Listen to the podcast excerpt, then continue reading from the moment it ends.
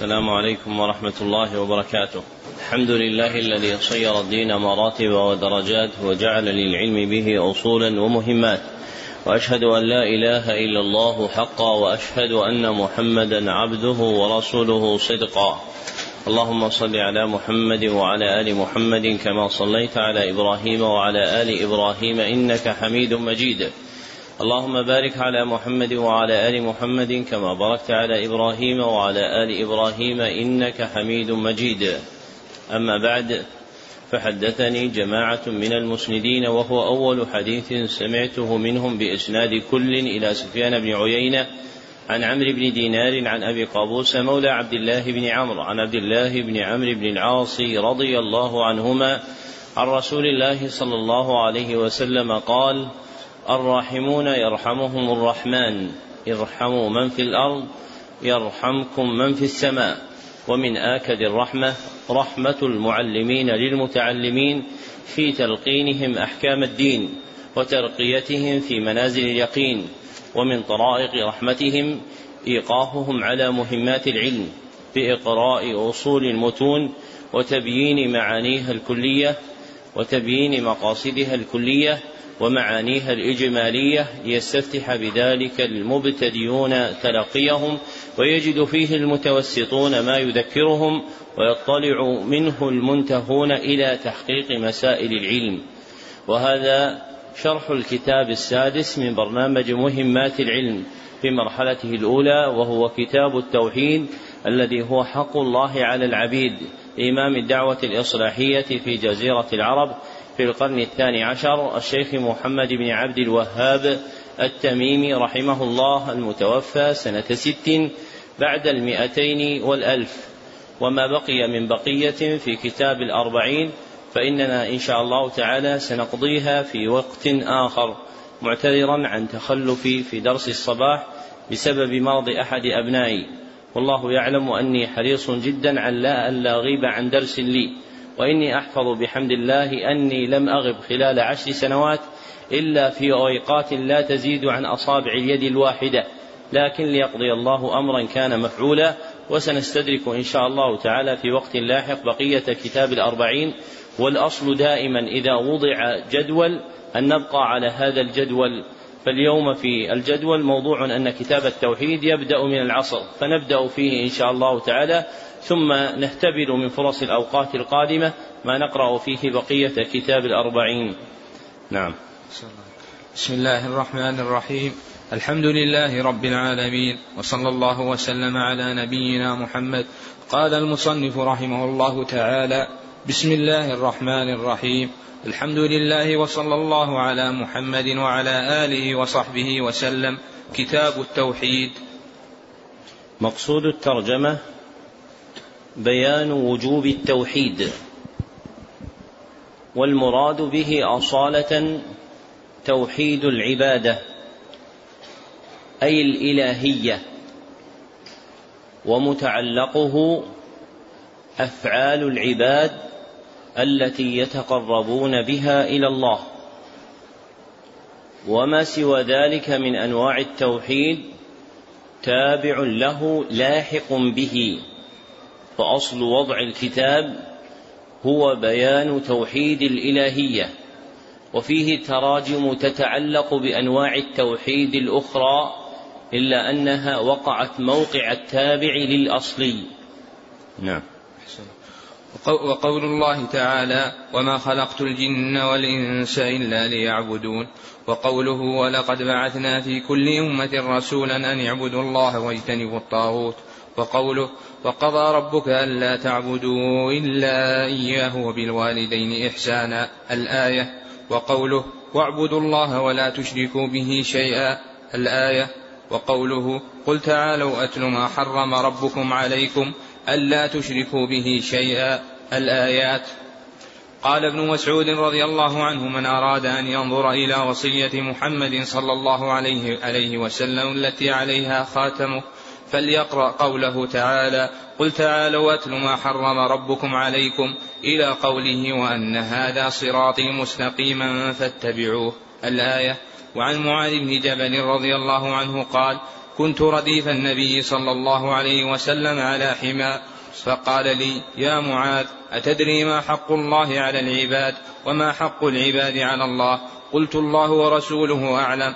قال حق الله على العباد أن يعبدوه ولا يشركوا به شيئا وحق العباد على الله أن لا يعذب من لا يشرك به شيئا. قلت يا رسول الله أفلا أبشر الناس؟ قال لا تبشرهم فيتكلوا. أخرجاه في الصحيحين. ذكر المصنف رحمه الله تعالى لتحقيق مقصود الترجمة سبعة أدلة.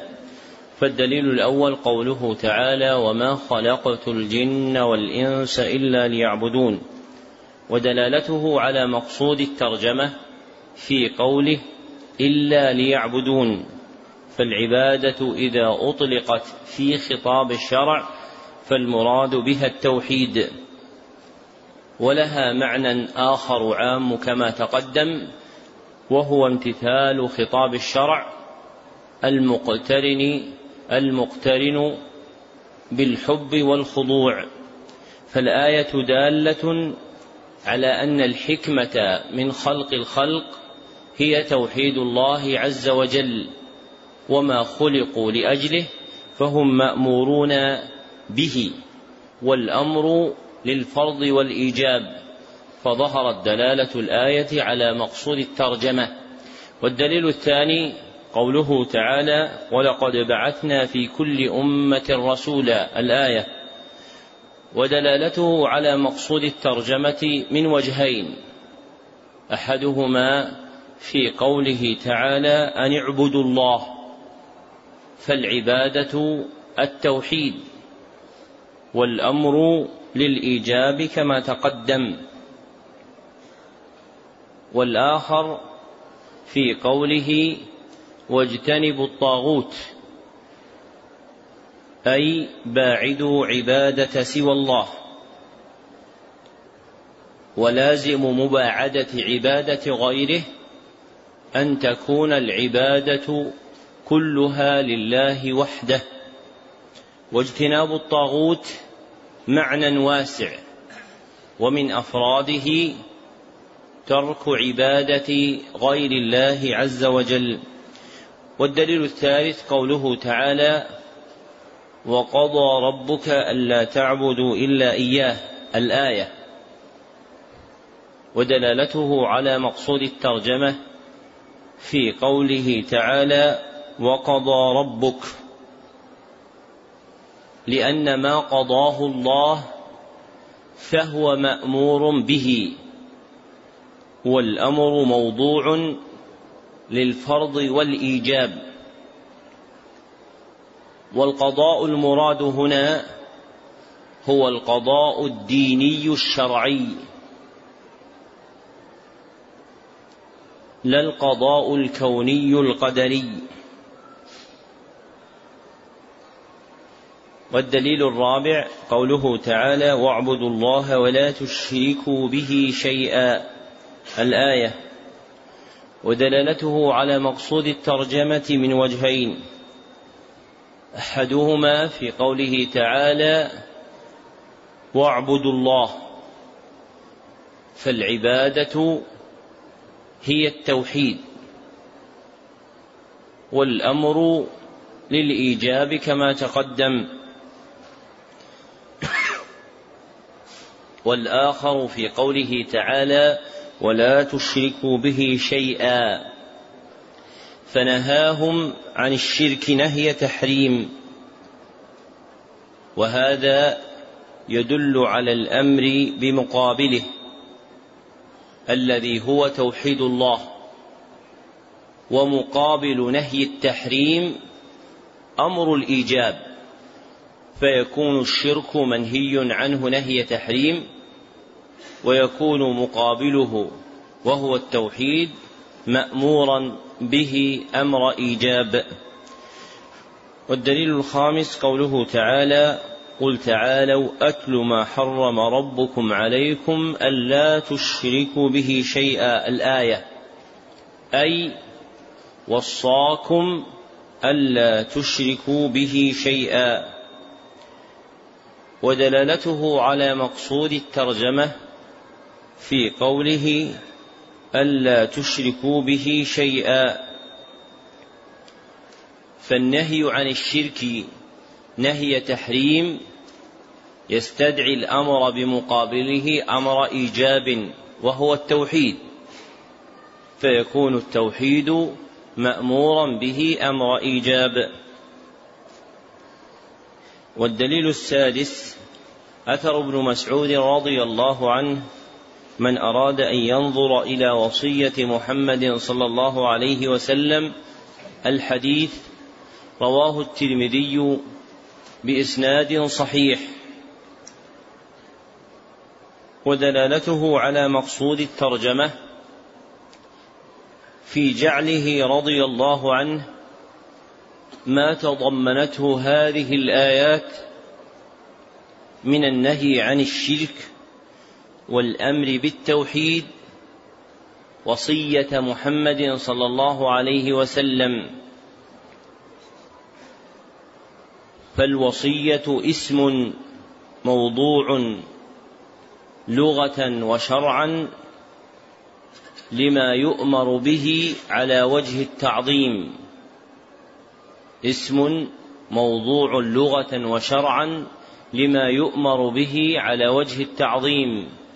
فرضا أو نفلا. والموصى به هنا مأمور به أمر إيجاب بدلالة الآية التي قرأها التي أمر ابن مسعود رضي الله عنه بقراءتها.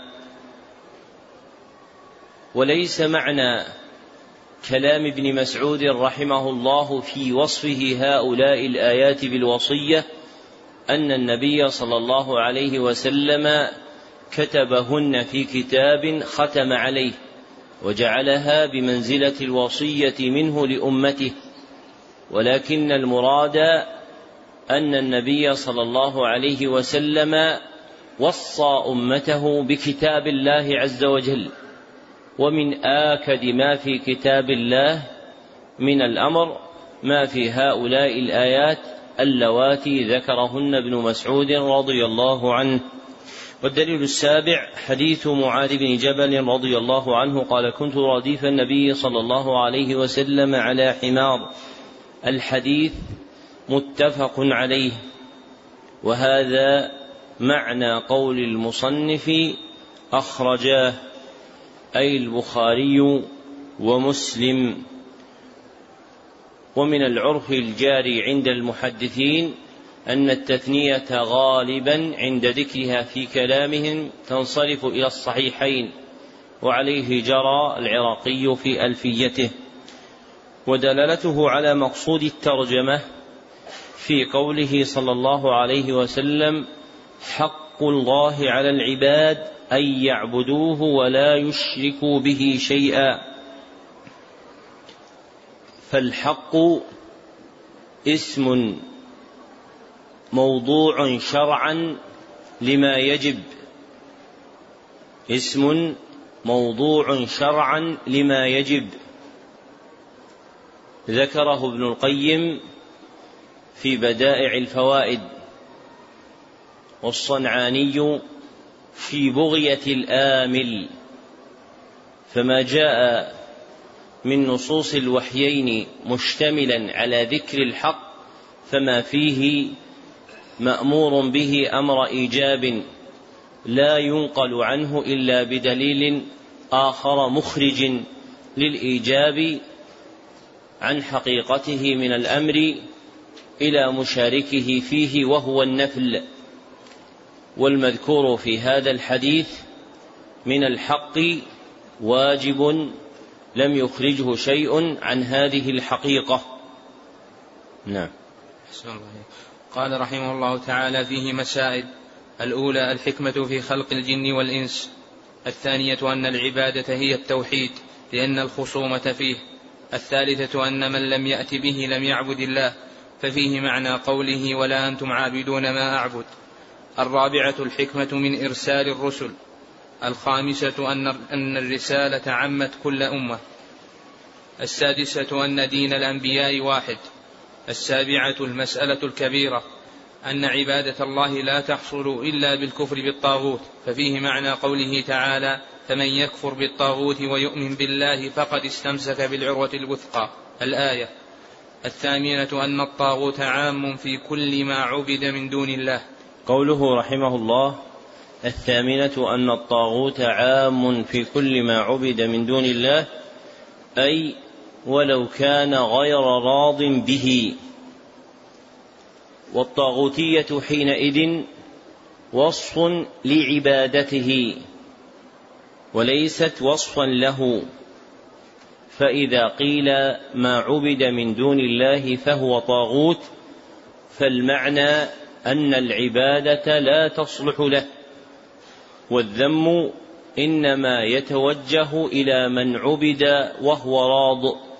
أما من عبد وهو غير راض فإنه لا يسمى طاغوتا بالنظر إليه هو وإنما يكون طاغوتا باعتبار فعل غيره ممن رفعه فوق حده وجعله معبودا من دون الله عز وجل فإن أصل الطاغوتية هي مجاوزة الحد المأذون به شرعا. فإن الطاغوت في الشرع يقع على معنيين أحدهما خاص وهو الشيطان وهذا هو المراد عند الإطلاق في القرآن الكريم. والآخر عام وهو المراد إذا ذكر معه فعله بصيغة الجمع. وفي بيان حقيقته قال ابن القيم في إعلام الموقعين الطاغوت هو كل ما تجاوز به العبد حده من معبود أو متبوع أو مطاع. انتهى. وهذا أحسن ما قيل في حده. قاله عبد الرحمن بن حسن في فتح المجيد. نعم. التاسعة عظم عظم شأن ثلاث الآيات المحكمات في سورة الأنعام عند السلف وفيها عشر مسائل. أولها النهي عن الشرك. العاشرة الآيات المحكمات في سورة الإسراء وفيها ثمانية عشر مسألة. بدأها الله بقوله لا تجعل مع الله إلها آخر فتقعد مذموما مخذولا وختمها بقوله ولا تجعل مع الله إلها آخر فتلقى في جهنم ملوما مدحورا ونبهنا الله سبحانه على عظم شأن هذه المسائل بقوله ذلك مما أوحى إليك ربك من الحكمة قوله رحمه الله العاشرة الآيات المحكمات في سورة الإسراء وفيها ثمانية عشر مسألة. هكذا هو في الأصول العتيقة للكتاب. والجادة النحوية ثمان عشرة مسألة. والأصول العتيقة هي النسخ الخطية القديمة له ومنها نسختان بخط أحد تلاميذه يقال له ابن حبشان. نعم. الحادية عشرة آية, آية سورة النساء, النساء التي تسمى آية الحقوق العشرة. بدأها الله تعالى بقوله واعبدوا الله ولا تشركوا به شيئا. الثانية عشرة التنبيه على وصية رسول الله صلى الله عليه وسلم عند موته. قوله رحمه الله الثانية عشرة التنبيه على وصية رسول الله صلى الله عليه وسلم عند موته أي الوصية بكتاب الله. لأن النبي صلى الله عليه وسلم لم تحفظ له وصية خاصة مكتوبة.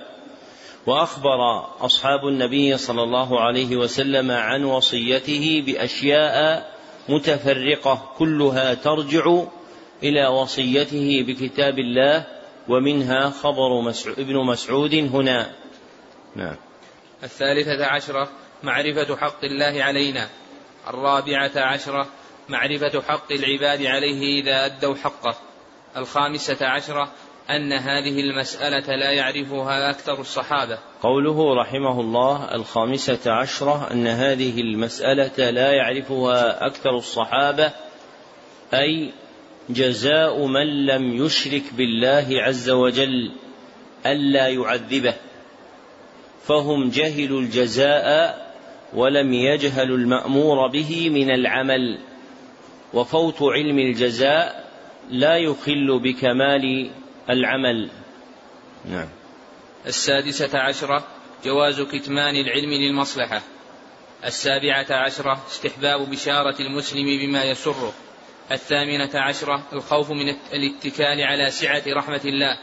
التاسعة عشرة قول المسؤول عما لا يعلم الله ورسوله أعلم. قوله رحمه الله قول المسؤول التاسعة عشرة قول المسؤول عما لا يعلم الله ورسوله أعلم أي في حال حياته وبعد موته صلى الله عليه وسلم في الشرعيات مطلقا دون الكونيات فإن علم النبي صلى الله عليه وسلم بأحكام الشرائع لا فرق فيه بين ما كان موجودا في زمانه بين حكمه ولا ما كان حادثا بعده صلى الله عليه وسلم لم يبين حكمه.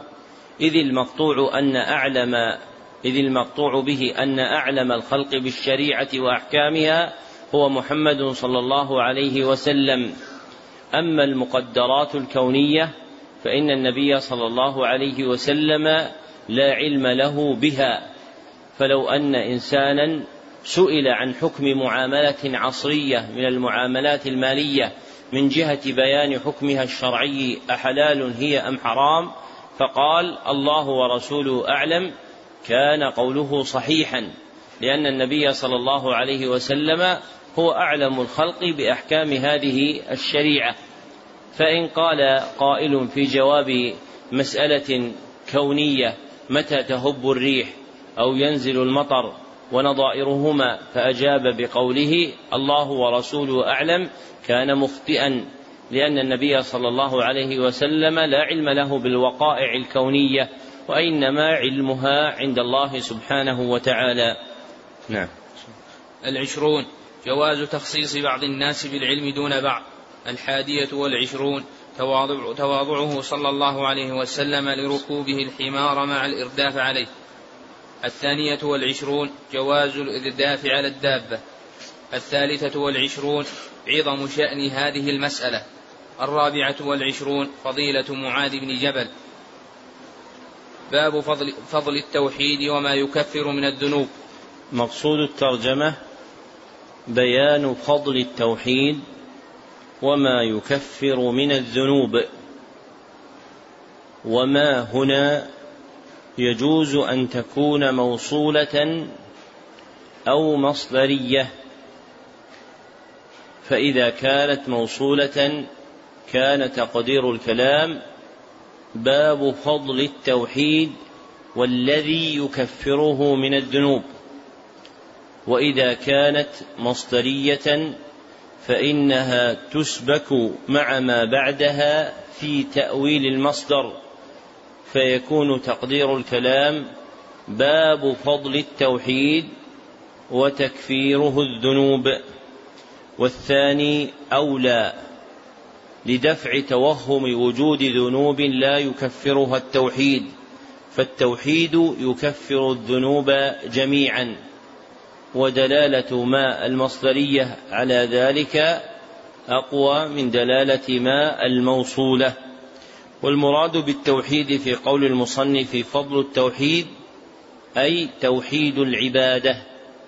ذكره حفيده عبد الرحمن بن حسن في قرة عيون الموحدين. نعم. وقول الله تعالى الذين آمنوا ولم يلبسوا إيمانهم بظلم أولئك لهم الأمن وهم مهتدون. وعن عبادة بن الصامت رضي الله عنه قال قال رسول الله صلى الله عليه وسلم من شهد أن لا إله إلا الله وحده لا شريك له وأن محمدا عبده ورسوله وأن عيسى عبد الله ورسوله وكلمته ألقاها إلى مريم وروح منه والجنة, والجنة حق والنار حق. أدخله الله الجنة على ما كان من العمل أخرجاه. ولهما في حديث عتبان فإن الله حرم على النار من قال لا إله إلا الله يبتغي, يبتغي بذلك وجه الله. وعن أبي سعيد الخدري رضي الله عنه عن رسول الله صلى الله عليه وسلم قال قال موسى عليه السلام يا رب يا رب علمني شيئا أذكرك وأدعوك به. قال قل يا موسى لا إله إلا الله. قال كل عبادك يقولون هذا.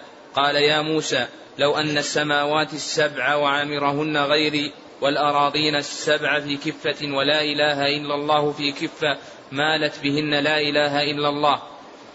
رواه ابن حبان والحاكم وصححه. وللترمذي وحسنه عن أنس سمعت رسول الله صلى الله عليه وسلم يقول قال الله تعالى يا ابن آدم إنك لو أتيتني بقراب الأرض خطايا ثم لقيتني لا تشرك بي شيئا لأتيتك بقرابها مغفرة. ذكر المصنف رحمه الله لتحقيق مقصود الترجمة خمسة أدلة. فالدليل الأول قوله تعالى الذين آمنوا ولم يلبسوا إيمانهم بظلم. الآية ودلالته على مقصود الترجمة في قوله تعالى أولئك لهم الأمن وهم مهتدون. فمن آمن ولم يلبس إيمانه بظلم فجزاؤه تحصيل الأمن والاهتداء في الدنيا والآخرة. وهذا من فضل التوحيد. والظلم المذكور إبطال الإلباس الإيمان به هو الشرك. ثبت تفسيره بذلك في الصحيحين عن النبي صلى الله عليه وسلم.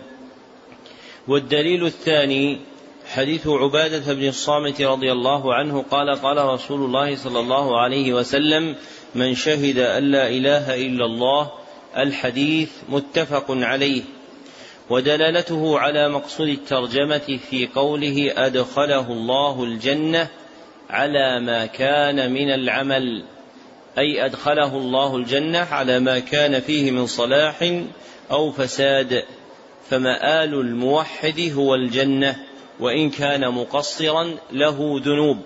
فمن فضل التوحيد أنه يؤول بصاحبه انتهاء إلى دخول الجنة والمصير إليها. والدليل الثالث حديث عتبان بن مالك رضي الله عنه فإن الله حرم على النار من قال لا إله إلا الله. الحديث متفق عليه. ودلالته على مقصود الترجمة في قوله فإن الله حرم على النار. ثم ذكر المحرم عليها موصوفا بما يدل على توحيده فقال من قال لا إله إلا الله يبتغي بذلك وجه الله فمن فضل التوحيد أنه يحرم صاحبه على النار. وتحريم التوحيد أهله على النار نوعان. أحدهما تحريم دخول تحريم دخول وهذا حظ من كمل توحيده فإنه وإن كان له ذنوب عفى الله عنه وحرم عليه دخول النار. والآخر تحريم خلود وهذا حظ من كانت له ذنوب استحق بها التطهير بالنار من الموحدين فيدخلها ليطهر فيها ثم يخرج منها ويدخل الجنة فلا يخلد في النار أبدا. والدليل الرابع حديث أبي سعيد الخدري رضي الله عنه عن رسول الله صلى الله عليه وسلم قال قال موسى عليه السلام يا رب. الحديث رواه ابن حبان والحاكم في المستدرك وهو عند من هو أولى منهما بالعزو إذ أخرجه النسائي في السنن الكبرى وإسناده ضعيف ودلالته على مقصود الترجمة في قوله تعالى في الحديث القدسي مالت بهن لا إله إلا الله. ففيه بيان رجحان كلمة التوحيد بجميع المخلوقات وهذه الجملة من الحديث لها شواهد تثبت بها وهي محل المراد منه في الترجمة. والدليل الخامس حديث أنس رضي الله عنه قال سمعت رسول الله صلى الله عليه وسلم يقول قال الله تعالى يا ابن آدم الحديث رواه الترمذي بسند حسن ودلالته على مقصود الترجمة في قوله تعالى في الحديث القدسي لأتيتك بقرابها مغفرة ففيه تكفير التوحيد الذنوب لأن الآتي بقراب الأرض خطايا وصف بكونه موحدا. إذ في الحديث ثم لقيتني لا تشرك بي شيئا. وهذا وصف الموحد. وقراب الأرض ملؤها.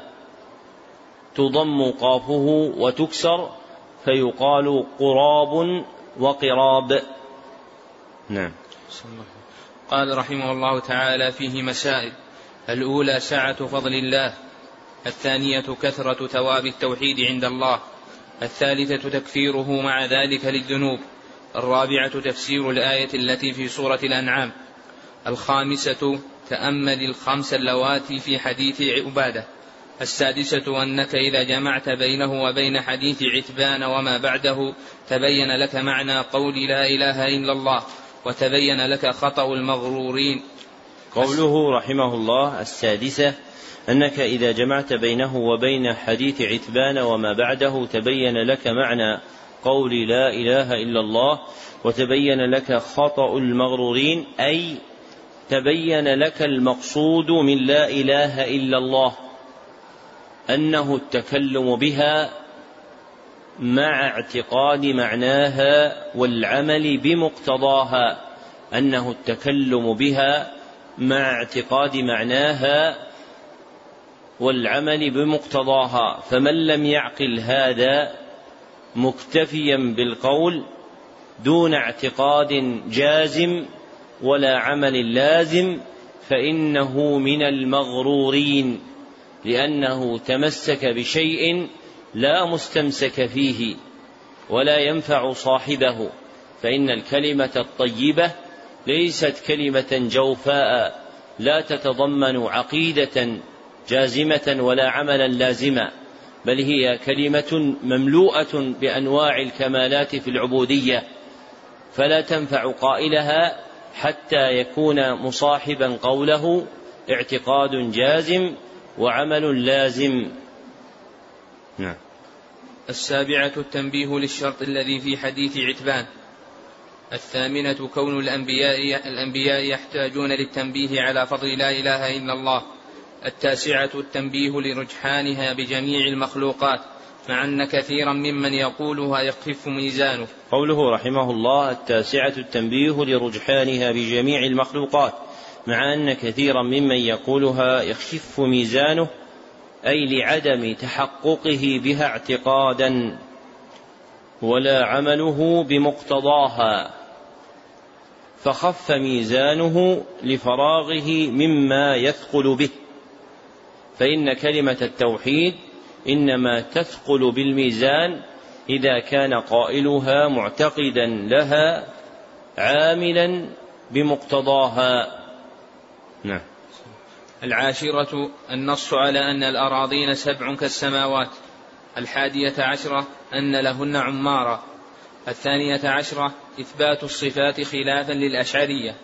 الثالثة عشرة أنك إذا عرفت حديث أنس عرفت أن قوله في حديث عتبان فإن الله حرم على النار من قال لا إله إلا الله يبتغي بذلك وجه الله. أن ترك الشرك ليس قولها باللسان. الرابعة عشرة تأمل الجمع بين كون عيسى ومحمد عبدي الله ورسوليه الخامسة عشرة معرفة اختصاص عيسى بكونه كلمة الله. قوله رحمه الله الخامسة عشرة معرفة اختصاص عيسى بكونه كلمة الله أي وجد بكلمة الله تعالى كن فليس هو كن ولكنه كان بأمر الله إذ قال له كن فكان فليس هو الكلمة وإنما وجد عليه الصلاة والسلام بالكلمة فيكون وجدانه بعد الكلمة لما تكلم الله عز وجل بها. وبهذا يعلم أن قول القائل يا من أمره بين الكاف والنون صحيح أم غير صحيح؟ لماذا؟ أحسنت. لأن أمر الله يكون بعد كن ولا يكون بين الكاف والنون متوسطا بين الحرفين. نعم. شاء الله. السادسة عشرة معرفة كونه روحا منه. السابعة عشرة معرفة فضل الإيمان بالجنة والنار. الثامنة عشرة معنى قوله على ما كان من العمل. التاسعة عشرة معرفة أن الميزان له كفتان. العشرون معرفة ذكر الوجه.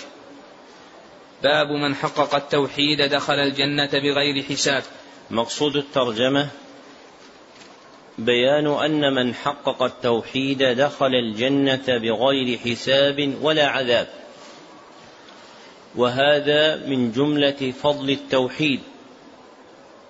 المتقدم ذكره في الترجمة السابقة لكنه أفرد لبيان جلالته وعظم موجبه. فالفضل هو دخول الجنة بغير حساب ولا عذاب والموجب هو تحقيق التوحيد. وتحقيق التوحيد يحصل بالسلامة مما يضاد أصله أو كماله. وجماع مضادات التوحيد ترجع إلى ثلاثة أصول. أحدها الشرك وثانيها البدعة وثالثها المعصية. فالشرك ينافي التوحيد بالكلية. والبدعة تنافي كماله الواجب. والمعصية تقدح فيه وتنقص ثوابه. فيكون تحقيق التوحيد المطلوب شرعا هو السلامة من الشرك والبدعة والمعصية.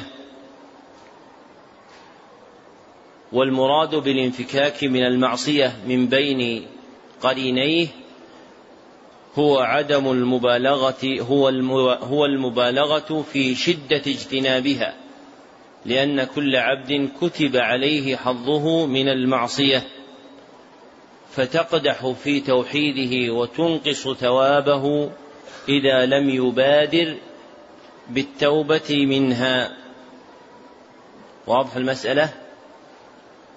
يعني قلنا التوحيد تحقيق التوحيد السلامة من ثلاثة أصول. وهي الشرك والبدعة والمعصية. والمعصية لازمة للجبلة الإنسانية. بخلاف الشرك والبدعة فليس لازمان. ما الدليل على أن المعصية لازمة للجبلة الإنسانية؟ بس هذا خاص نبي حديث عام صح. وغيره. قاله نفس الأخ. يقول الإخوان يقولون حديث كل بني آدم خطاء لكن هذا الحديث فيه ضعف ومقال لكن فيه حديث مشهور كلكم تحفظونه. حديث أبي أيوب في صحيح مسلم. لا في حديث في الأربعين النووية. إيش؟ ارفع صوتك. لا نحن نقول حديث في الأربعين النووية. في الأربعين النووية؟ تذنبون. سن. حديث أبي ذر الغفاري رضي الله عنه. القدسي وهو الحديث الرابع والعشرون من الأربعين النووية يا عبادي إنكم تذنبون بالليل والنهار وأنا تخطئون بالليل والنهار وأنا أغفر الذنوب جميعا. هذا يدل على أن الخطيئة ملازمة للجبلة الإنسانية فالإنسان مطبوع على الخطيئة. فحينئذ يكون الذي يقدح في توحيده من جهة المعصية صدورها منه أو بقاؤه عليها وعدم التوبة منها. بقاؤه عليها وعدم التوبة منها.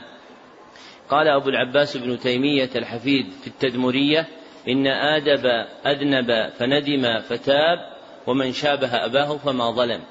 انتهى كلامه. يعني من شابه أباه في صدور الذنب ثم الندم عليه والتوبة منه فإنه تابع له لا يكون ملاما على ما وقع منه فالمعصية تقدح في التوحيد وتنقص ثوابه إذا بقي الإنسان عليها ولم يتب منها. وبه يعلم أن تحقيق التوحيد له درجتان. إحداهما درجة واجبة. جماعها السلامة من المضادات المذكورة. درجة واجبة جماعها السلامة من المضادات المذكورة. والأخرى درجة نافلة.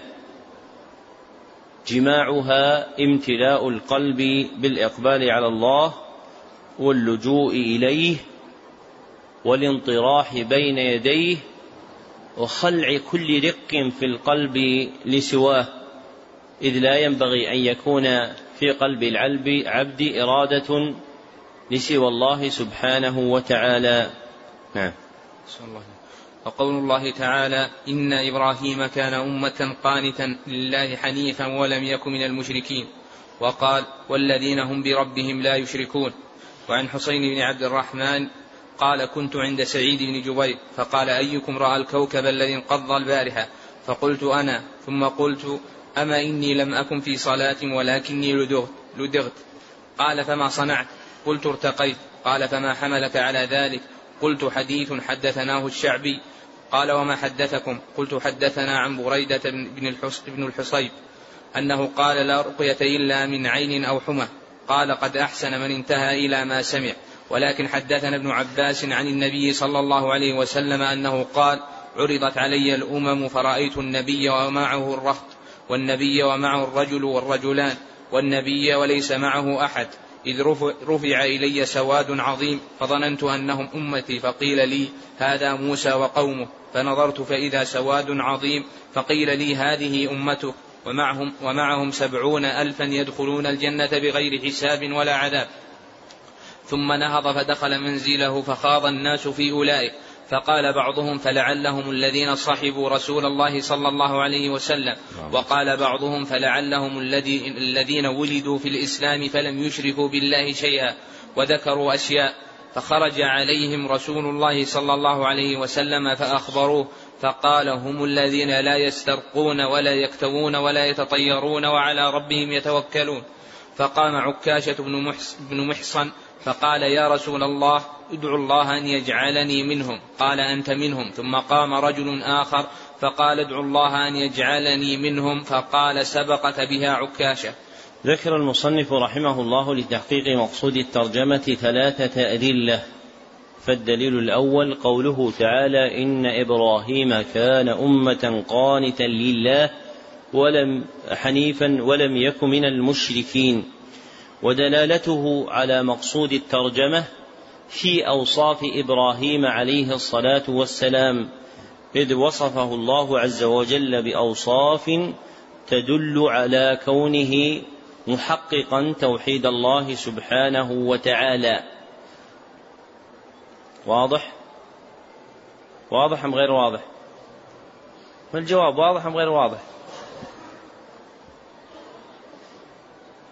تحقيق التوحيد ذكرنا فيما سبق أنه السلامة من مضادات ثلاثة. الآية هذه تدل على أن إبراهيم سلم أم لم يسلم؟ سلم. فهي دالة على أن إبراهيم قد حقق توحيد. طيب تمت دلالتها على مقصود الترجمة أم لم يتم؟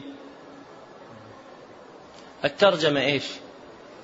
من حقق التوحيد دخل الجنة بغير حساب. ولا عذاب طيب أين بلا حساب ولا عذاب الآن حقق التوحيد. أين باقي الترجمة؟ واضح؟ هذا الكلام الذي قلناه. إنما فيه أنه حقق التوحيد. لكن أين الدليل على أنه دخل الجنة بغير حساب ولا عداء سم يا أخي اللي عند العمود وإنه في الآخرة لمن الصالحين. الجواب هذه المسألة كل شروح التوحيد التي بأيدي الناس فيما أعلم لم تذكرها مع أنها لازم الترجمة لأن الشيخ قال باب من حقق التوحيد دخل الجنة بغير حساب ولا عذاب. فالأول وهو بيان أن إبراهيم حقق التوحيد بهؤلاء الصفات ظاهر لكن أين أنه دخل الجنة بغير حساب ولا عذاب؟ والجواب أن في تمام الآيات من سورة النحل بعدها وإنه في الآخرة لمن الصالحين. طيب وإذا صار في الآخرة من الصالحين هذا معناه إيش؟ قال الزجاج الصالح في الآخرة هو الفائز. الصالح في الآخرة هو الفائز. انتهى كلامه. وغاية الفوز في الآخرة دخول الجنة بغير حساب ولا عذاب. فصارت الآية دالة على مقصود الترجمة على هذا الوجه الذي ذكرت لك. والدليل الثاني قوله تعالى والذين هم بربهم لا يشركون ودلالته على مقصود الترجمة في مدح المؤمنين بهذا مع قول الله تعالى بعدها في حقهم أولئك يسارعون في الخيرات وهم لها سابقون. فالسابق في الخيرات سابق في المآلات فأهل التوحيد المحققون له هم السابقون السابقون وسبقهم يقتضي ألا يكون أحد أكمل منهم منزلة في الآخرة وأكمل منازل الآخرة هو دخول الجنة بغير حساب ولا عذاب. والدليل الثالث حديث ابن عباس الطويل وهو حديث متفق عليه ودلالته على مقصود الترجمة في قوله صلى الله عليه وسلم ومعهم سبعون ألفا يدخلون الجنة بغير حساب ولا عذاب. وهذا صريح فيما ترجم به المصنف. والصفات المذكورة في قوله هم الذين لا يسترقون ولا يكتوون ولا يتطيرون وعلى ربهم يتوكلون من تحقيق التوحيد. والمتصفون بها محققون للتوحيد. وجزاؤهم أن يدخلوا الجنة بلا حساب ولا عذاب. نعم. فيه مسائل. الأولى معرفة مراتب الناس في التوحيد. الثانية ما معنى تحقيقه. الثالثة ثناؤه سبحانه على إبراهيم بكونه لم يكن من المشركين. الرابعة ثناؤه على سادات الأولياء بسلامتهم من الشرك. الخامسة كون كون ترك الرقية والكي من تحقيق التوحيد. قوله رحمه الله الخامسة كون ترك الرقية والكي من تحقيق التوحيد أي ترك طلبها لا ترك فعلها فإن النبي صلى الله عليه وسلم رقى وكوى. نعم. السادسة كون كون الجامع لتلك الخصال هو التوكل. السابعة عمق عمق علم الصحابة لمعرفتهم أنهم لم ينالوا ذلك إلا بعمل. الثامنة حرصهم على الخير. التاسعة فضيلة هذه الأمة بالكمية والكيفية. العاشرة فضيلة أصحاب موسى. الحادية عشرة عرض الأمم عليه عليه الصلاة والسلام. الثانية عشرة الثانية عشرة أن كل أمة تحشر وحدها مع, مع نبيها. الثالثة عشرة قلة, قلة من استجاب للأنبياء الرابعة عشرة أن من لم يجبه أحد يأتي وحده. الخامسة عشرة ثمرة هذا العلم وهو عدم الاغترار بالكثرة وعدم الزهد في القلة. السادسة عشرة الرخصة في الرقية من العين والحمى. قوله رحمه الله السادسة عشرة الرخصة في الرقية من العين والحمى.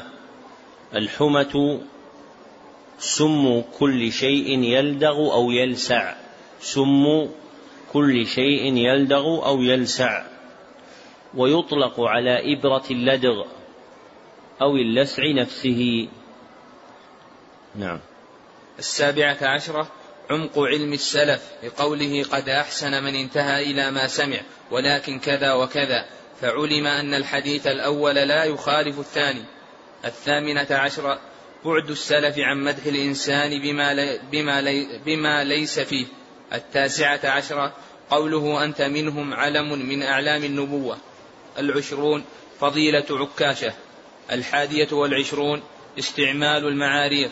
قوله رحمه الله الحادية والعشرون استعمال المعاريض.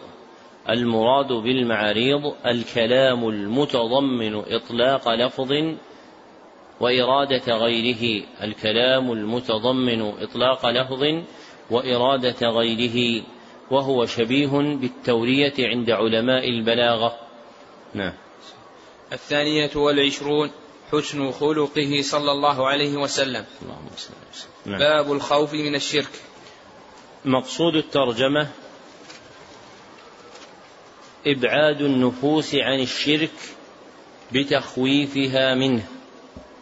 إبعاد النفوس عن الشرك بتخويفها منه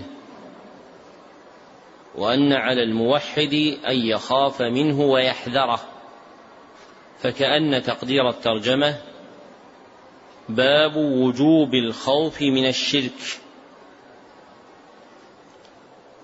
ومعرفة الشرك توجب الحذر منه لأن الشرك شر. والشر يحذر منه ويخاف. نعم. وقول الله تعالى إن الله لا يغفر أن يشرك به ويغفر ما دون ذلك لمن يشاء. وقال الخليل عليه السلام واجنبني وبني أن نعبد الأصنام. وفي الحديث أخوف ما أخاف عليكم الشرك الأصغر. فسئل عنه فقال الرياء. وعن ابن مسعود رضي الله عنه أن رسول الله صلى الله عليه وسلم قال من مات وهو يدعو لله ندا دخل النار. رواه البخاري. ولمسلم عن جابر رضي الله عنه أن رسول الله صلى الله عليه وسلم قال من لقي الله لا يشرك به شيئا دخل الجنة ومن لقيه يشرك به شيئا دخل النار. ذكر المصنف رحمه الله لتحقيق مقصود الترجمة خمسة أدلة. فالدليل الأول قوله تعالى إن الله لا يغفر أن يشرك به الآية. ودلالته على مقصود الترجمة في قوله تعالى إن الله لا يغفر أن يشرك به. فالشرك لا يغفره الله لمن لم يتب منه. وما دونه من الذنوب فهو في مشيئة الله. إن شاء غفره. وإن شاء لم يغفره والمصدر المؤول من قوله أن يشرك مسبوك في تقدير شركا يعم الشرك صغيره وكبيره لأن تقدير الكلام حينئذ إن الله لا يغفر شركا به فتكون كلمة شركا نكرة في سياق النفي. والنكرة في سياق النفي تفيد العموم. وإذا كان الشرك لا يغفره الله أبدا إذا لم يتب العبد منه وجب علينا الخوف منه. والدليل الثاني قوله تعالى واجنبني وبني أن نعبد الأصنام ودلالته على مقصود الترجمة في كون الداعي به هو إبراهيم عليه الصلاة والسلام الذي تقدم وصفه بصفات عظيمة دالة على أنه حقق التوحيد. ففي الباب السابق قوله تعالى إن إبراهيم كان أمة قانتا لله حنيفا ولم يكن من المشركين. ومع ذلك عظم دعاء إبراهيم أن يجنبه الله وبنيه عبادة الأصنام التي هي من أعظم الشرك وإنما يدعى بالتجنيب مما يخاف. فإن الإنسان إذا قال اللهم اجنبني كذا وكذا فإنه يكون خائفا مما سأل الله عز وجل أن يجنبه إياه. وإذا كان هذا دعاء إبراهيم عليه الصلاة والسلام مع ما له من المقام الحميد في تحقيق التوحيد فإن غيره أولى بالخوف. قال إبراهيم التيمي من يأمن البلاء بعد إبراهيم رواه ابن جرير في تفسيره. ومن وعى هذا علم أن من أعظم الخوف الذي ينبغي أن يكون بين جنبيه الخوف من الشرك لأنه إذا وقع فيه استحق العذاب الأليم. والدليل الثالث حديث محمود بن لبيد رضي الله عنه أن النبي صلى الله عليه وسلم قال أخوف ما أخاف عليكم الشرك الأصغر الحديث رواه أحمد بسند حسن. ودلالته على مقصود الترجمة في قوله أخوف ما أخاف عليكم الشرك الأصغر وهو مطابق لما ترجم به المصنف ففيه التصريح بالخوف من الشرك. والشرك الأصغر هو جعل شيء من حقوق الله لغيره مما يتعلق بكمال الإيمان. هو جعل شيء من حقوق الله لغيره مما يتعلق بكمال الإيمان.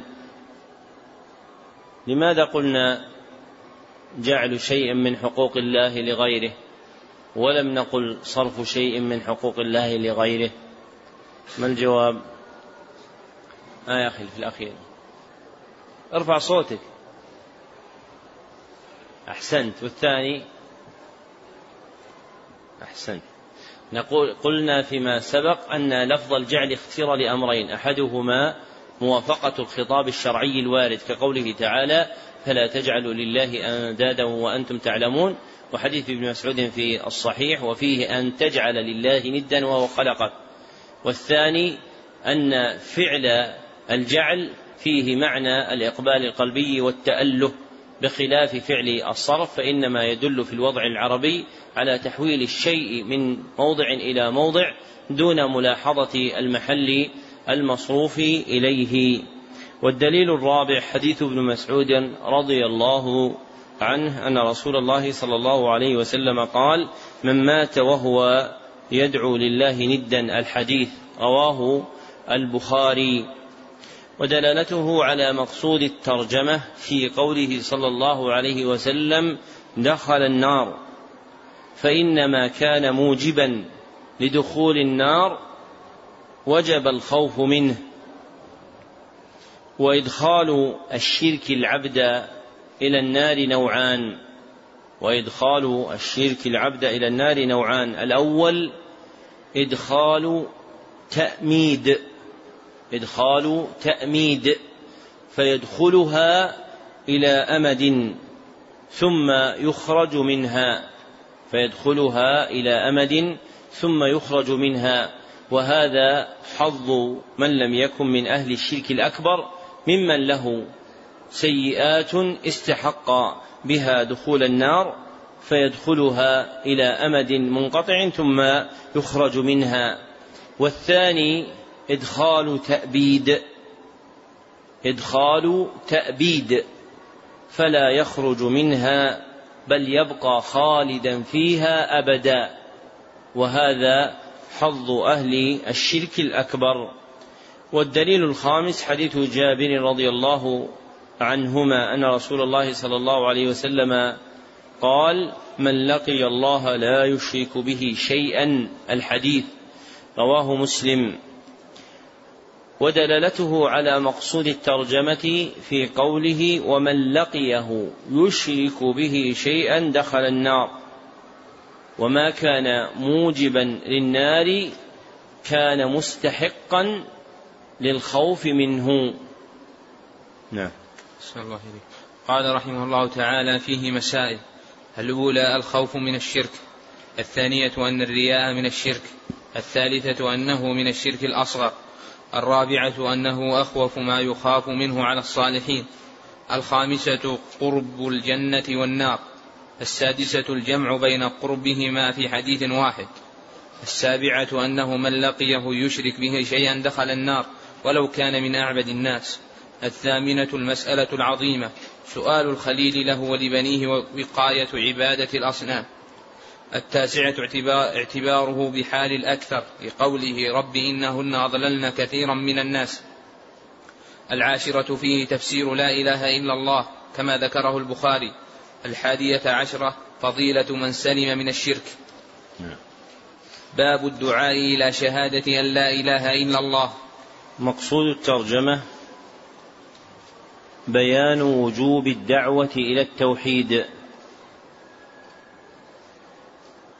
وأشار إليه المصنف بقوله شهادة أن لا إله إلا الله لأنها كلمة التوحيد. فقوله الدعاء إلى شهادة أن لا إله إلا الله بمنزلة قولنا الدعاء إلى التوحيد لأنه جاء بالدال مكتفيا به عن المدلول فالدال هو كلمة التوحيد لا إله إلا الله والمدلول عليه هو توحيد الله عز وجل. نعم. وقول الله تعالى قل هذه سبيلي أدعو إلى الله على بصيرة أنا ومن اتبعني. الآية. عن ابن عباس رضي الله عنهما أن رسول الله صلى الله عليه وسلم لما بعث معاذا إلى اليمن قال له إنك تأتي قوما من أهل الكتاب فليكن أول ما تدعوهم إليه شهادة أن لا إله إلا الله. وفي رواية إلى أن يوحدوا الله. فإنهم أطاعوك لذلك فأعلم فأعلمهم أن الله افترض عليهم خمس صلوات في كل يوم وليلة. فإنهم أطاعوك لذلك فأعلمهم أن الله افترض عليهم صدقة تؤخذ من أغنيائهم فترد إلى فقرائهم. فإنهم أطاعوك لذلك فإياك وكرائم أموالهم. واتق دعوة المظلوم فإنه ليس بينها وبين الله حجاب. أخرجاه ولهما عن سهل بن سعد رضي الله عنه أن رسول الله صلى الله عليه وسلم قال يوم خيبر لأعطين الراية غدا رجلا يحب الله ورسوله ويحبه الله ورسوله يفتح الله على يديه فبات الناس يدوكون ليلتهم أيهم يعطاها فلما أصبحوا غدوا على رسول الله صلى الله عليه وسلم كلهم يرجو أن يعطاها فقال أين علي بن أبي طالب؟ فقيل هو يشتكي عينيه. فأرسلوا إليه فأتي به فبصق في عينيه ودعا له فبرأ كأن لم يكن به وجع فأعطاه الراية فقال انفذ على رسلك حتى تنزل بساحتهم ثم ادعهم إلى الإسلام وأخبرهم بما يجب عليهم من حق الله تعالى فيه فوالله لأن يهدي الله بك رجلا واحدا خير لك من حمر النعم. يدوكون أن يخوضون. خير لك. خير لك من حمر النعم. يدوكون أن يخوضون. ذكر المصنف رحمه الله لتحقيق مقصود الترجمة ثلاثة أدلة. فالدليل الأول قوله تعالى قل هذه سبيلي أدعو إلى الله الآية. ودلالته على مقصود الترجمة من وجهين. أحدهما في قوله قل هذه سبيلي أي سبيل محمد صلى الله عليه وسلم. والسبيل التي كان عليها هي الدعوة إلى توحيد الله عز وجل. والثاني في قوله أدعو إلى الله على بصيرة. فالدعوة إلى الله على بصيرة مفتاحها التوحيد. وكل دعوة إلى الله بلا توحيد فهي دعوة مقطوع بطمس بصائر أهلها لفقدهم التوحيد فدعوتهم بلا توحيد دعوة بلا بصيرة. والدليل الثاني حديث ابن عباس رضي الله عنهما في بعث معاذ رضي الله عنه إلى اليمن الحديث متفق عليه. ودلالته على مقصود الترجمة في قوله فليكن أول ما تدعوهم إليه وهو صريح في المقصود لاقتران الفعل المضارع فيه بلام الأمر الدالة عليه والأمر كما سلف للفرض والإيجاب. والدليل الثالث حديث سهل بن سعد رضي الله عنهما في فتح خيبر. رواه البخاري ومسلم فهو من المتفق عليه. ودلالته على مقصود الترجمة من وجهين. أحدهما في قوله ثم ادعهم إلى الإسلام.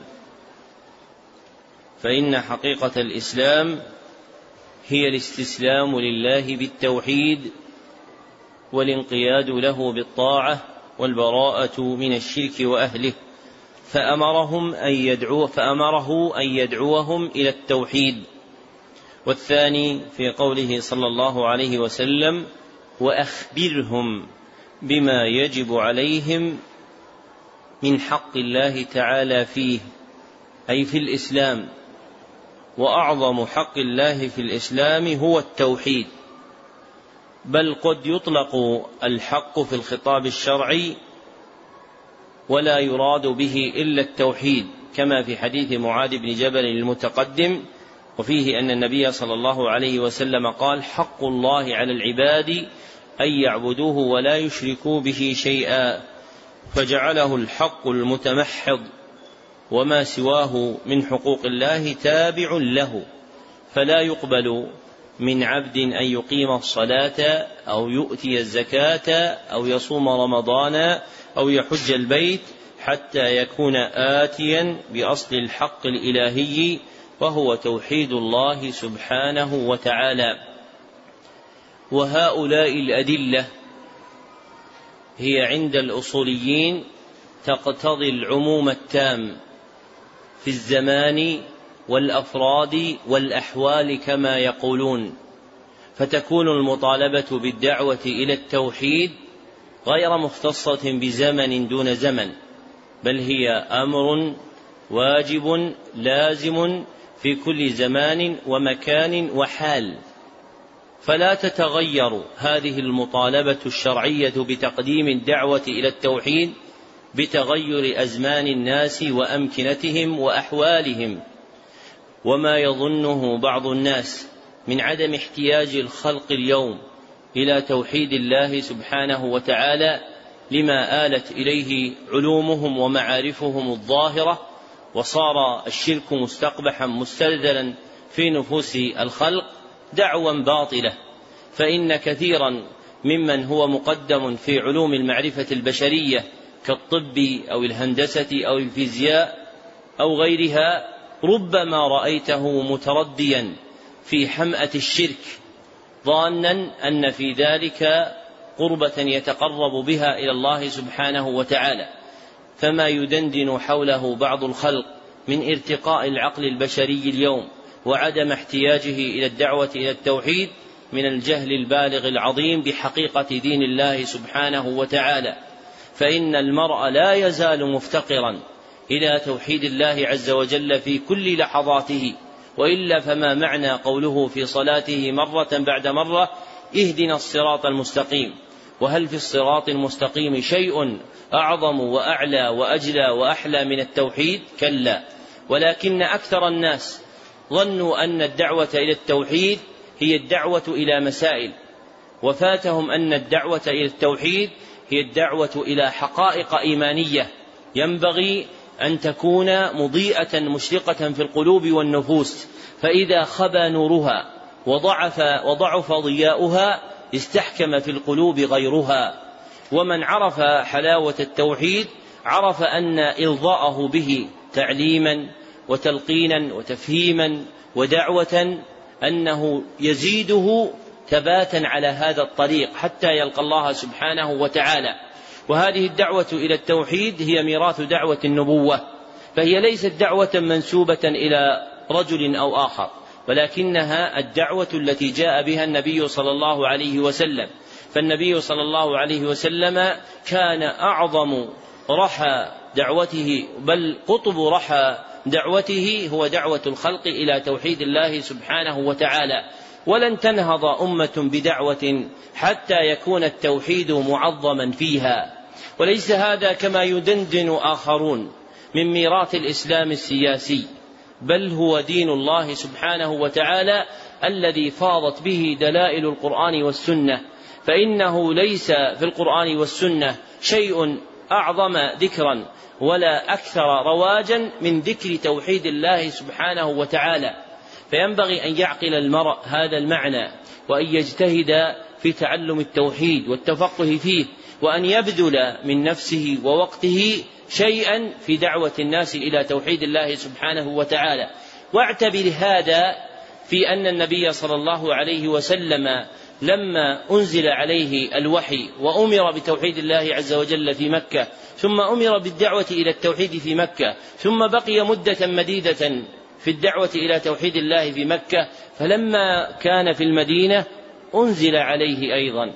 فاعلم أنه لا إله إلا الله واستغفر لذنبك وللمؤمنين والمؤمنات.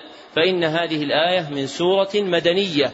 هي سورة محمد وتكرير الأمر فيها للنبي صلى الله عليه وسلم تنبيه إلى الحاجة إلى تكرير الأمر علينا نحن من بعده.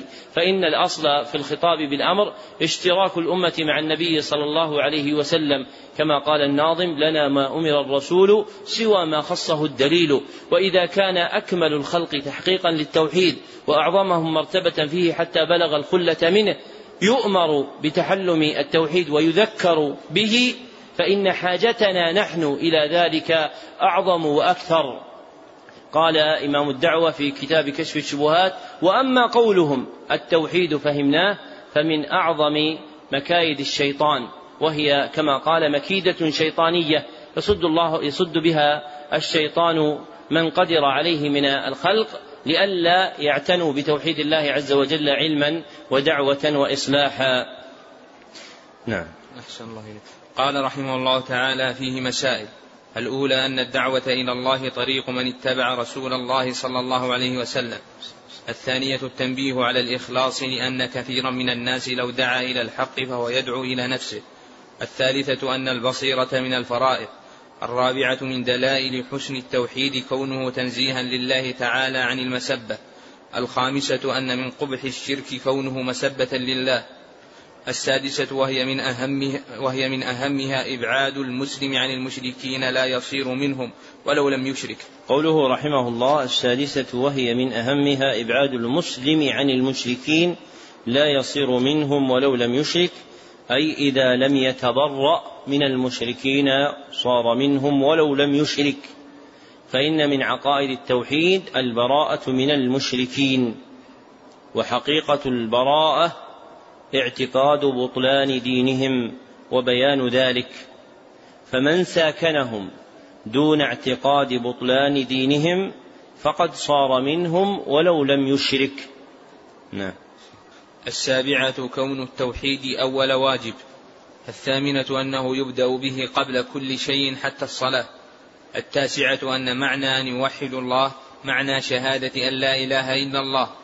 العاشرة أن الإنسان قد يكون من أهل الكتاب وهو لا يعرفها أو يعرفها ولا يعمل بها. قوله رحمه الله العاشرة أن الإنسان قد يكون من أهل الكتاب وهو لا يعرفها أو يعرفها ولا يعمل بها لأن النبي صلى الله عليه وسلم أمر معاذا أن يدعوهم إليها مع كونهم أهل كتاب ولو كانوا يعرفونها ويعملون بها لما احتاج إلى أمرهم بذلك بل هم بين جاهل بها لا يعرفها أو عارف بها لا يعمل بمقتضاها وكلاهما محتاج إلى الدعوة إلى التوحيد.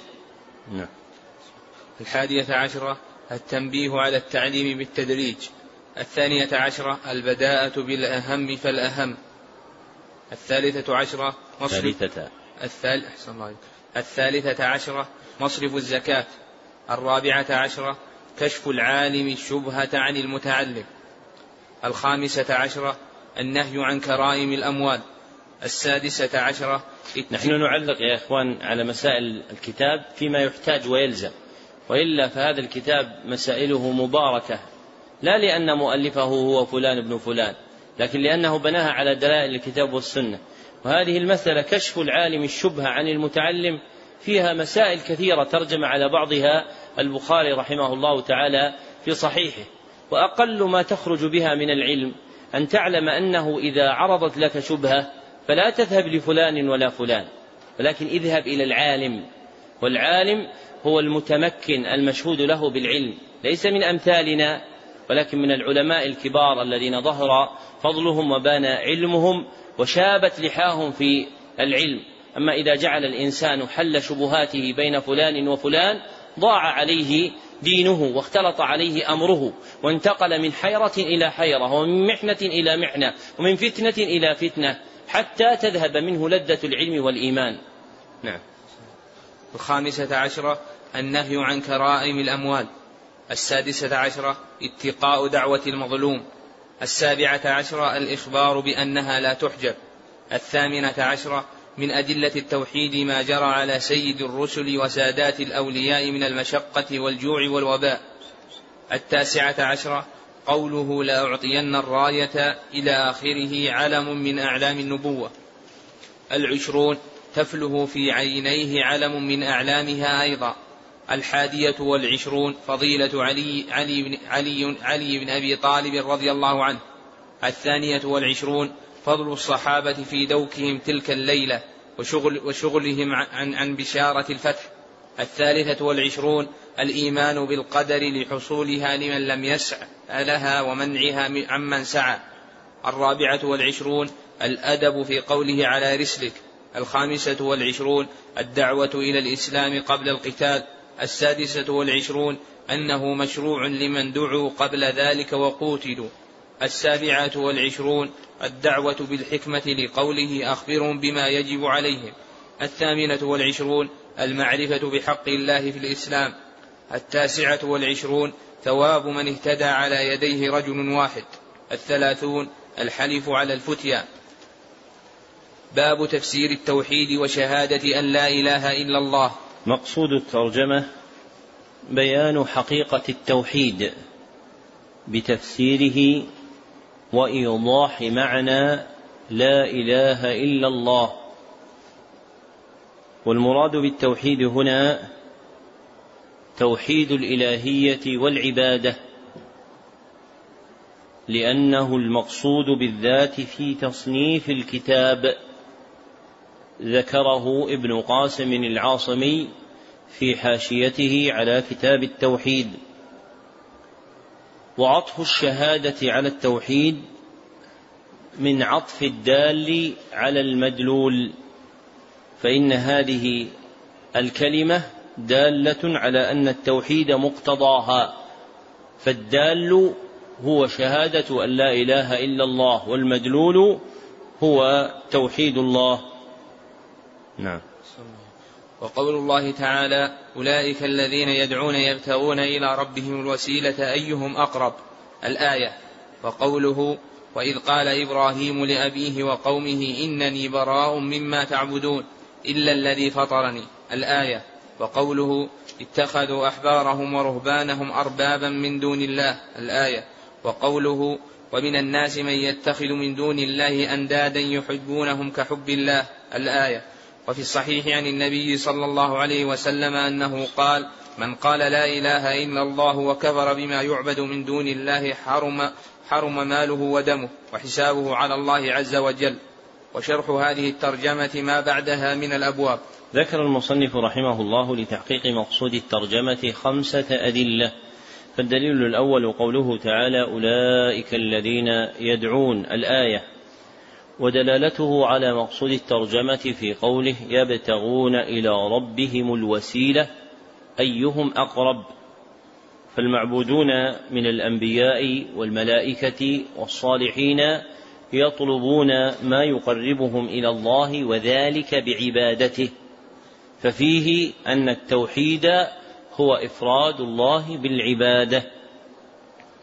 والدليل الثاني قوله تعالى وإذ قال إبراهيم لأبيه وقومه الآية ودلالته على مقصود الترجمة في قوله إنني براء مما تعبدون إلا الذي فطرني. فكلمة التوحيد لا إله إلا الله تنطوي على نفي وإثبات فعبر عن المنفي بها في قوله تعالى إنني براء مما تعبدون وعبر عن المثبت بها بقوله إلا الذي فطرني ففيه تفسير التوحيد بإثبات العبادة لله وحده ونفيها عما سواه. والدليل الثالث قوله تعالى اتخذوا أحبارهم ورهبانهم الآية ودلالته على مقصود الترجمة في تتمتها وما أمروا إلا ليعبدوا إلها واحدا لا إله إلا هو سبحانه عما يشركون. فجعل عز وجل عبادته إفراده بالتوحيد لقوله إلها واحدا فالمطلوب إفراده بالعبادة.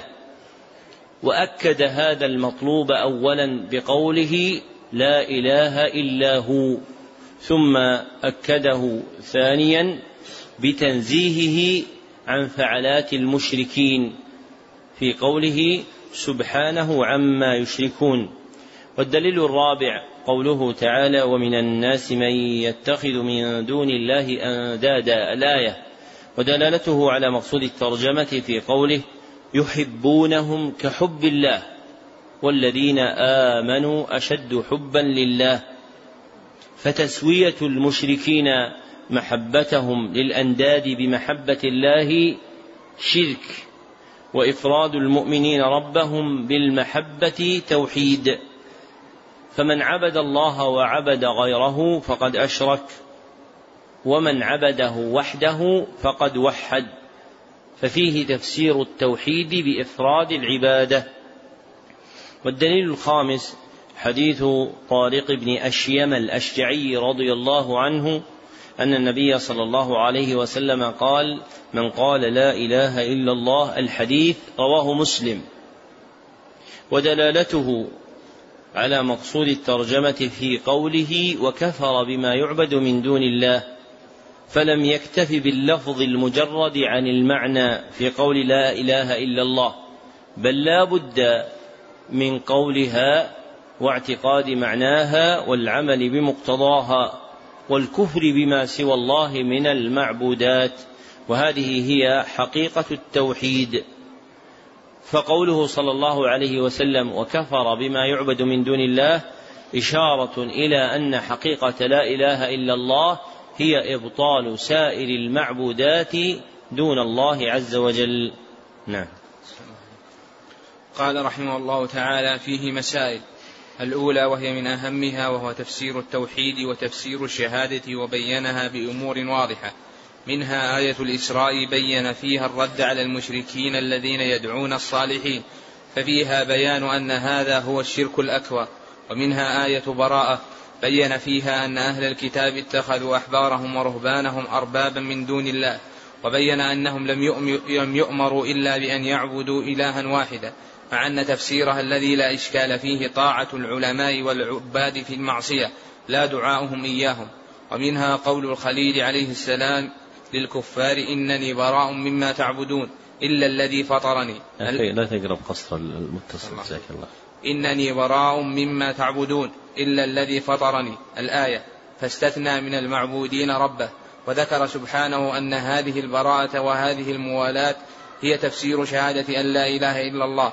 فقال وجعلها كلمة باقية في عقبه لعلهم يرجعون. ومنها آية البقرة في الكفار الذين قال الله فيهم وما هم بخارجين من النار.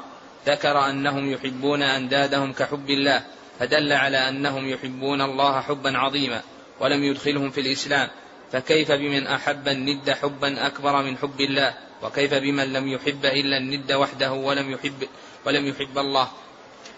ومنها قوله صلى الله عليه وسلم من قال لا إله إلا الله وكفر بما يعبد من دون الله حرم ماله ودمه وحسابه على الله عز وجل. وهذا من أعظم ما يبين معنى لا إله إلا الله فإنه لم يجعل التلفظ بها عاصما للدم والمال بل ولا معرفة معناها مع لفظها بل ولا الإقرار بذلك بل ولا كونه لا يدعو إلا الله وحده لا شريك له. بل لا يحرم ماله ودمه حتى يضيف إلى ذلك الكفر بما يعبد من دون الله. فإن شك أو توقف لم يحرم ماله ولا دمه. فيا لها من مسألة ما أجلها ويا له من بيان ما أوضحه وحجة ما أقطعها للمنازع.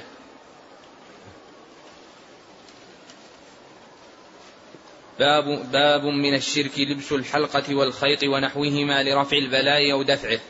مقصود الترجمة بيان أن لبس الحلقة والخيط ونحوهما لرفع البلاء أو دفعه من الشرك.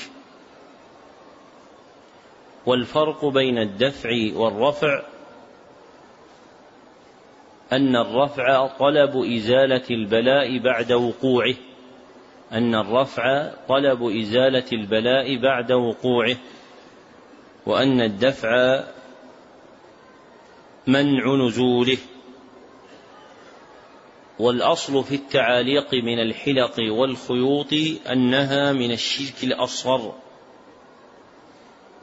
لتضمنها اعتقاد سببية ما ليس سببا بطريق الشرع ولا القدر.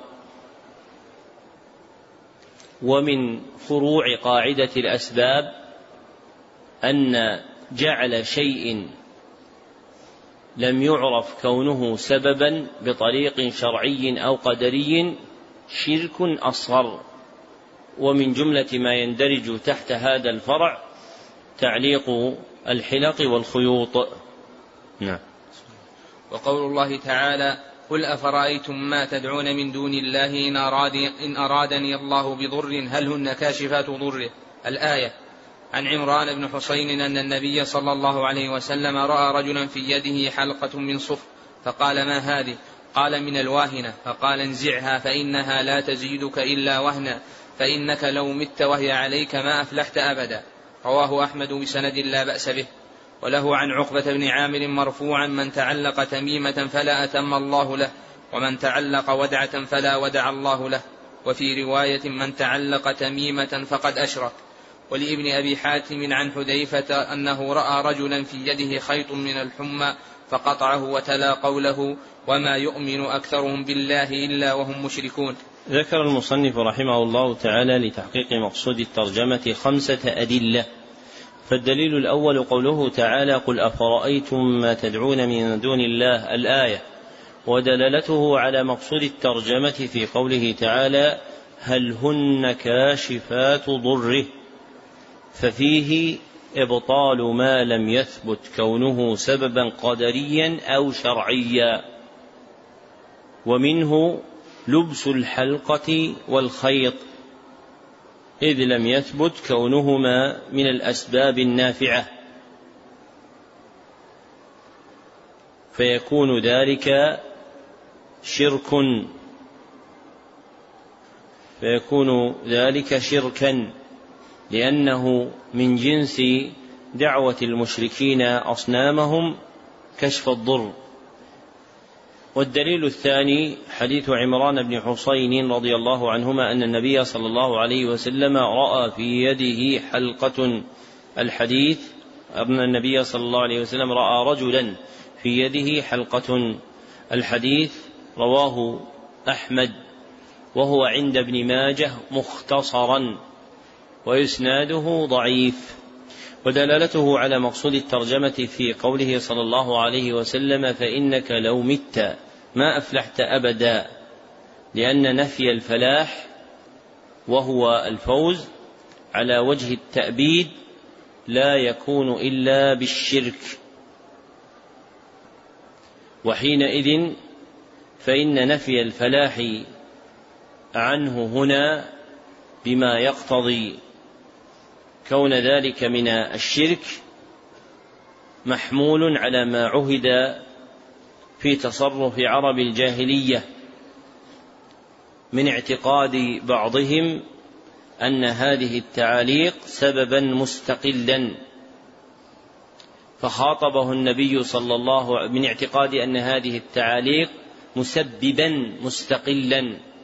فخاطبه النبي صلى الله عليه وسلم بنفي الفلاح. المقتضي أن يكون ما فعله من الشرك المخرج من الملة فلعل هذا الرجل جرى على عرف من كان من العرب يعتقد أن تلك التعاليق تستقل بالضر والنفع فحينئذ نفي عنه الفلاح بالكلية ونفي الفلاح بالكلية يقتضي دخول العبد النار وخلوده فيها أو يكون نفي الفلاح هنا ليس على حقيقته وإنما المراد بنفي الفلاح عنه تأخره عن غيره ممن يدخل الجنة. فيكون المراد أنه واقع فيما دون الشرك الأكبر وهو الشرك الأصغر الذي يستحق به تأخر فلاحه والواهنة المذكورة في الحديث هي عرق يضرب في المنكب أو اليد أو العضد منها. والدليل الثالث حديث عقبة بن نافع حديث عقبة بن عامر رضي الله عنه مرفوعا من تعلق تميمة. الحديث رواه أحمد بسند جيد. ودلالته على مقصود الترجمة في قوله صلى الله عليه وسلم من تعلق تميمة فلا أتم الله له والتعاليق من جنس التمائم والدعاء عليه مؤذن بحرمة فعله لأنه شرك كما فسره الحديث الآتي بعده فالمطابقة بين الحديث والترجمة ظاهرة بهذا والدليل الرابع حديث عقبة رضي الله عنه أيضا مرفوعا من تعلق تميمة فقد أشرك رواه أحمد بسند حسن.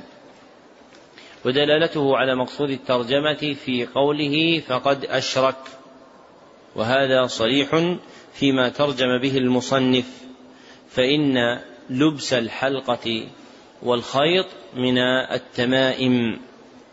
وقول المصنف وفي رواية يوهم تعلقها بالحديث السابق كما جرى عليه اصطلاح أهل العلم فإنه إذا قال قائلهم بعد ذكر حديث وفي رواية كذا وكذا فإنه يريد أن القطعة المذكورة هي من الحديث المتقدم عليها وما ها هنا فليس كذلك بل ما أشار إليه المصنف بكونه رواية هو حديث مستقل عنه. وليس قطعة من الحديث السابق فلا يسوغ حينئذ إطلاق كونه رواية. نبه إلى ذلك حفيد المصنف سليمان بن عبد الله في تيسير العزيز الحميد. والدليل الخامس أثر حذيفة رضي الله عنه أنه رأى رجلا في يده خيط من الحمى. الحديث رواه ابن أبي حاتم رواه ابن أبي حاتم في تفسيره بسند ضعيف. ودلالته على مقصود الترجمة في قراءة حذيفة رضي الله عنه للآية المصدقة للحال وأن ذلك من الشرك فإن حذيفة قطع الخيط وتلا الآية التي فيها وما يؤمن أكثرهم بالله إلا وهم مشركون. فالحال التي أنكرها هي حال أهل الشرك فيكون فعله من أفعالهم. نعم. قال رحمه الله تعالى فيه مسائل. الأولى التغليظ في لبس الحلقة والخيط ونحوهما لمثل ذلك.